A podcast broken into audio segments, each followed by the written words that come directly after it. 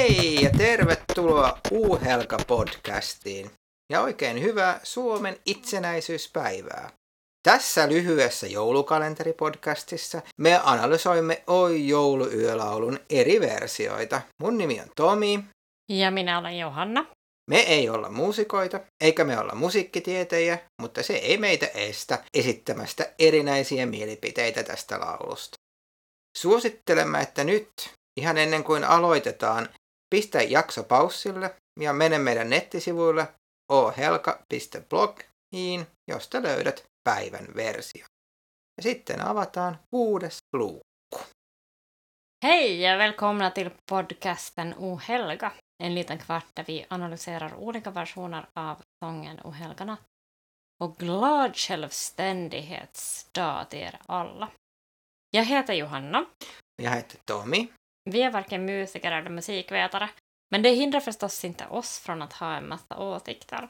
Vi rekommenderar att du nu pausar den här podden och går in på vår blogg ohelga.blogg där vi har lagt ut en länk till dagens version.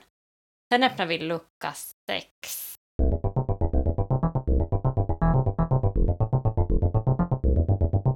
Ja se oli tosiaan Jyrki Niskasen versio Oi jouluyö laulusta. Niskanen on syntynyt helmikuussa 1956 Helsingissä ja on suomalainen oopperalaulaja ja muusikko. Äänialaltaan hän on tenori. Jyrki Niskasta ei pidä sekoittaa Jyrki Niskaseen, joka on syntynyt 55 vuonna Helsingissä, joka oli Itä-Suomen yliopiston laskentatoimituksen ja rahoituksen professori. Kuitenkin, jos me ei nyt sekoiteta tätä Jyrkiä Jyrkiin, niin voidaan kertoa, että Jyrki Niskanen aloitti jo 13-vuotiaana ammattimuusikkona soittaen haitaria ja kosketin soittimia laiva- ja ravintolayhtyeissä, jossa hän sitten säästi monia kuuluisia 70- ja 80-luvun suomalaisia iskelmälaulajia. Jyrki Niskanen myös sävelsi ja sovitti kappaleita monille iskelmätähdille, muun muassa Kari Tapiolle, Marian Rungille, Lea Laaveenille, Matti Eskolle sekä tietysti Niskaselle itse. Hmm. Yksi nosto tässä voisi olla vaikka Lea Laveenin kuuluisalta albumilta Rotunainen kappale nimeltä Kohti helteisen päivän iltaa, joka on sitten Niskasen säveltä. Tällaisen iskelmäuran lisäksi Jyrkillä on myös oopperaura, joka alkoi vuonna 1985 Tampereen oopperassa, jossa hän lauloi Donizettin rykmentin tytär tenoriosuuden, mutta sitten varsinaisesti se oopperaura lähti vasta vuonna, käyntiin vasta vuonna 1992, jolloin hänet kiinnitettiin Savonlinnan oopperajuhlille ja on sen jälkeen esiintynyt monissa kuuluisissa oopperataloissa. Mm. Mutta hypätään tästä nyt sitten Niskasen Oi jouluyöversio. Mitäs Johanna pidit tästä? Alltså, min första tanke var ju att äh, det börjar formas en sån här kategori med de här klassiska mm, tolkningarna. Aivan. Ja, och där har vi då nu så här långt så har vi Niskanen, vi har Pavarotti och så har vi till. Mm. Enligt min klassifikation. Mm. Så de finns på samma hylla, så att säga. Ja, Mä mietin kanssa, että tämä on sellainen perinteinen versio. Sellainen, mm. Mutta tässä on, tämä on vähän modernimpi, ehkä sikä, myös sieltä niin kuin ää, äänimaailmalta, että sieltä tulee ne yksittäinen viulut siinä plimputukset alussa ja muut ehkä paremmin esiin kuin sitten Pavarottin tai Tillin versio, jossa, jossa on sellainen kuin mahtava äänimassa mm. orkesteri heti alussa. Mutta joo, mä oon samaa mieltä. Mm, ja, ja alltså, joo, det kanske det är så, men jag, jag, liksom min känsla är också att man eftersträvar en sån här ganska gammal känsla ja, i det. Ändå.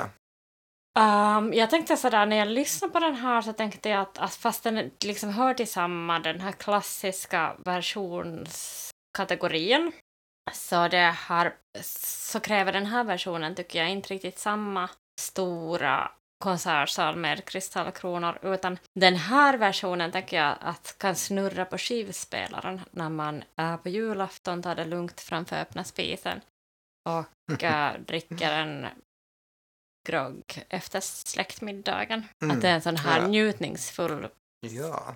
Kanske lite privat också på något sätt. Ehkä aika hyvä, mm. joo. Kyllä.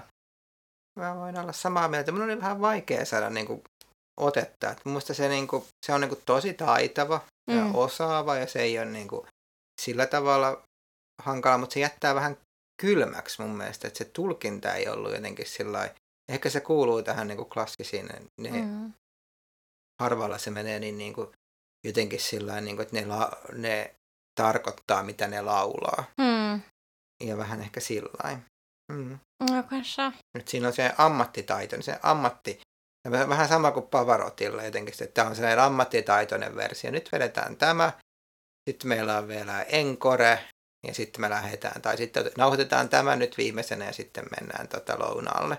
Ja. Ehkä siinä on sen pieni sellainen, vaikka se onkin siis tosi todella hyvä ja ja. juhlava versio. Mm, men jag tycker att det här är en värdig version, alltså absolut. Och, uh, ja. Sitten mm. ehkä keskivaiheessa mulla tuli vähän sellainen, että tässä laulussa on sellainen, usein sellainen niin kuin vähän se ratsastus ja sen tappailu mm. eteenpäin. Siinä se vähän niin kuin lähti niin kuin menemään seksi niin kuin dun, dun, dun, dun, dun, mennään eteenpäin sellaiseksi niin kuin tamppailuksi.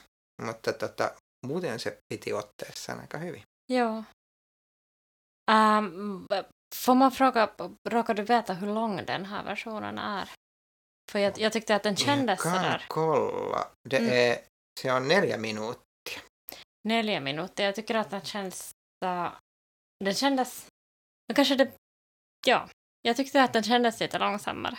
Joo, se oli kyllä. Tuntui, jos ajattelee, että kenellä se oli kanssa neljä minuuttia, se tuntui vähän niin kuin kiirehditylle. Mm. Että oli neljä minuuttia, se oli vähän niin kuin hidas.